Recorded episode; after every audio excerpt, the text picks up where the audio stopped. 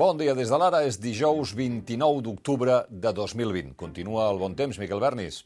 Sí, el temps no s'embolicarà fins dimarts que ve. Avui farà sol, tot i que continuaran circulant bandes de núvols prims que entelaran el cel a estones. A la costa i al prelitoral, al migdia, l'ambient serà una mica menys càlid que ahir. Nova macrooperació de la Guàrdia Civil contra l'independentisme. David Madí, Xavier Vendrell, Oriol Soler i Xavier Vinyals entre els 21 detinguts pel cos armat. Aquest és Madí, caminant al darrere d'un guàrdia civil pel passeig de Gràcia, camí del seu despatx. Com diu el Pau Esparc a la seva crònica d'avui, es fa difícil definir l'abast d'una operació amb 21 detencions, més de 30 escorcolls que impliquen empresaris, càrrecs públics i persones vinculades amb l'independentisme i Carles Puigdemont. El cas és tan dispers que la investigació parla tant d'uns terrenys de Cabrera de Mar que afecten una escola concertada com del tsunami democràtic i la suposada col·laboració del Kremlin en el procés. Es tracta d'una nova macrocausa que sorgeix de dos àudios trobats en un mòbil. L'advocat de l'editor Oriol Soler, Benet Salelles, va explicar que el mateix jutge deia que ordenava la detenció de Soler a l'espera de saber què deien els arxius que li havien anat a buscar. El que va portar l'advocat a dir això. Si no, fos, si no fos independentista, Oriol Soler avui no estaria detingut. I això ho diu la pròpia resolució quan ha de justificar que eh, no s'estigui detenint Oriol Soler per les seves idees polítiques. L'operació ha estat batejada per la Guàrdia Civil com Volhov, que és un topònim rus.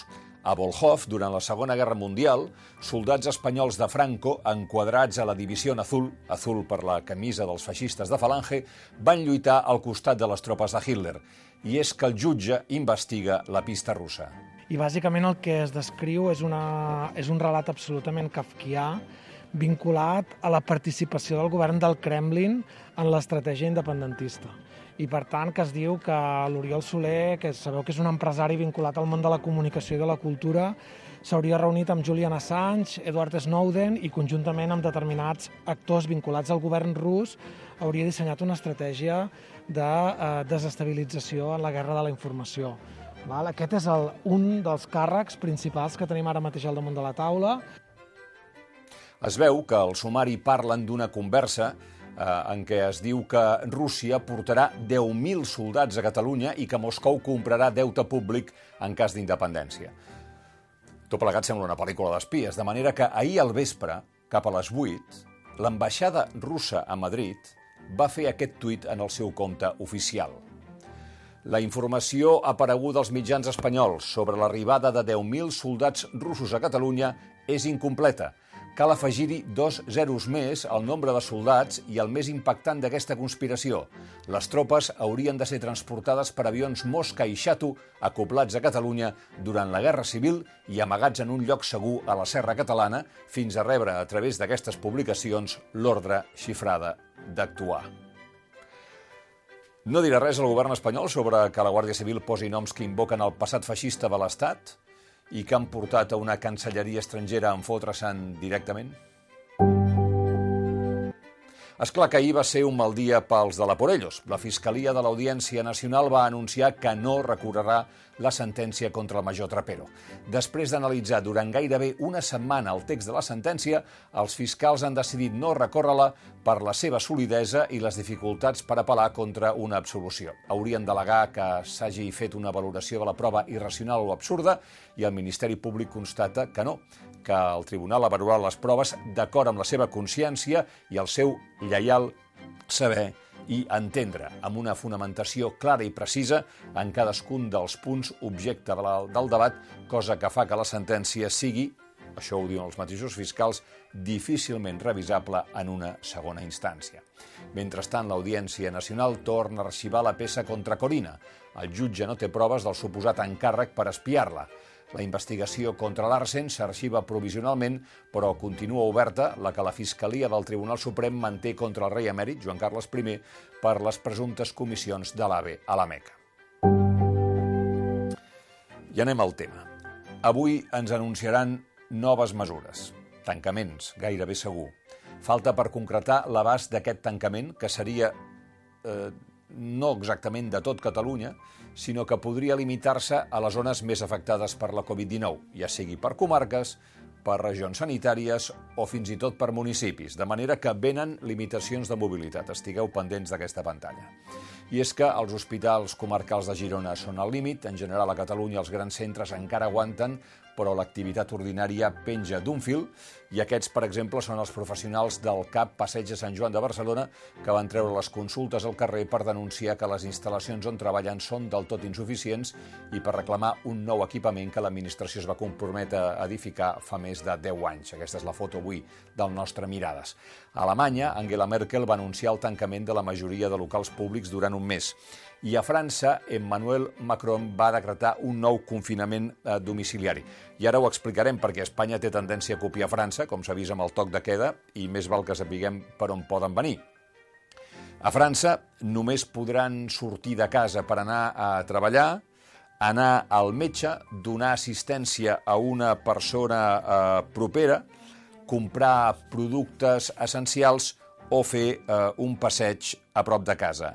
Bars, restaurants i comerços no essencials hauran de tancar, però en canvi es mantindran obertes les escoles i instituts, però no les universitats, eh, que hauran de fer les classes a distància.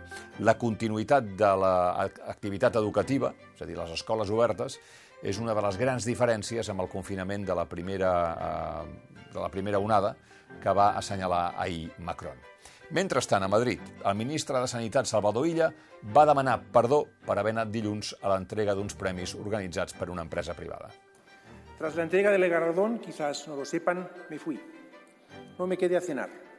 Muchos ciudadanos no lo han entendido. Y quiero decirles que tienen razón. Es verdad que se cumplía con las reglas y se cumplía con las distancias, pero tienen razón. Fíjense que hasta en los actos en que se cumplen todos los requisitos, hasta en esos casos es mejor evitarlos. L'alcalde de Madrid, José Luis Martínez Almeida, també va demanar fer autocrítica per l'assistència de polítics a aquest tipus d'actes. Ahir a les 9 del matí eh, s'havia d'obrir eh, el termini de sol·licituds dels ajuts de la Generalitat de 1.500 euros per restauradors i centres d'estètica, però una incidència tècnica va impedir la petició d'aquestes subvencions durant tot el dia. S'obrirà nou termini avui, també a partir de les 9 del matí. Al mercat laboral, el Banc Sabadell retallarà la plantilla en 2.000 persones en un programa de prejubilacions i baixes incentivades i, en canvi, signals dels temps, la companyia catalana de carregadors per a vehicles elèctrics Wallbox eh, des del gener passat ha contractat 150 nous treballadors i pels pròxims dos anys hi ha la previsió que se n'incorporin 550 més a l'actual plantilla que ja formen 332 persones. Fundada el 2015, Wallbox va néixer amb el llançament d'un prototip de carregador de paret per endollar vehicles elèctrics en entorns residencials. I aquesta és la crònica del Toni Padilla des de Turí. El Barça va guanyar per 0-2 al camp de la Juventus amb gols de Dembélé i de Messi de penal en el millor partit de l'era Koeman. To físic i actitud durant tot el partit, possessió i ocasions. Els italians els van anul·lar tres gols de Morata, tots tres per fora de joc. I avui es constitueix la comissió gestora del Barça, l'òrgan provisional que bàsicament s'encarregarà de convocar les eleccions a la presidència que es podrien celebrar just abans de Nadal. Ara hi ha dues propostes, el cap de setmana de 19 i 20 de desembre o bé a mitjans de gener. Convocar els socis a les urnes abans de Nadal permetria que la nova directiva estigués legitimada per intervenir en el mercat de fitxatges del gener i també perquè durant el primer mes de l'any s'abona gairebé la meitat de les fitxes dels futbolistes i ara els contractes s'estan renegociant. Mentrestant, l'Espanyol va jugar ahir, va guanyar per 2 a 0 el Pontferradina en el dia que els blanc-i-blaus complien 120 anys. I el Sabadell s'enfrontarà aquesta nit a dos quarts de 10 al Leganés a la nova Creu Alta. La nostra col·lega Mònica Terribas ha fitxat per Mediapro per dirigir documentals de l'àrea de continguts de no ficció. Terribas compaginarà el projecte amb la docència a la Pompeu Fabra i, a més a més, prepara un programa de caràcter social amb qui va ser el seu gran rival a la zona, Jordi Basté, que es començarà a emetre d'aquí a pocs mesos. Fins aquí les claus del dia. Tornem d'aquí uns minuts amb l'anàlisi de l'actualitat.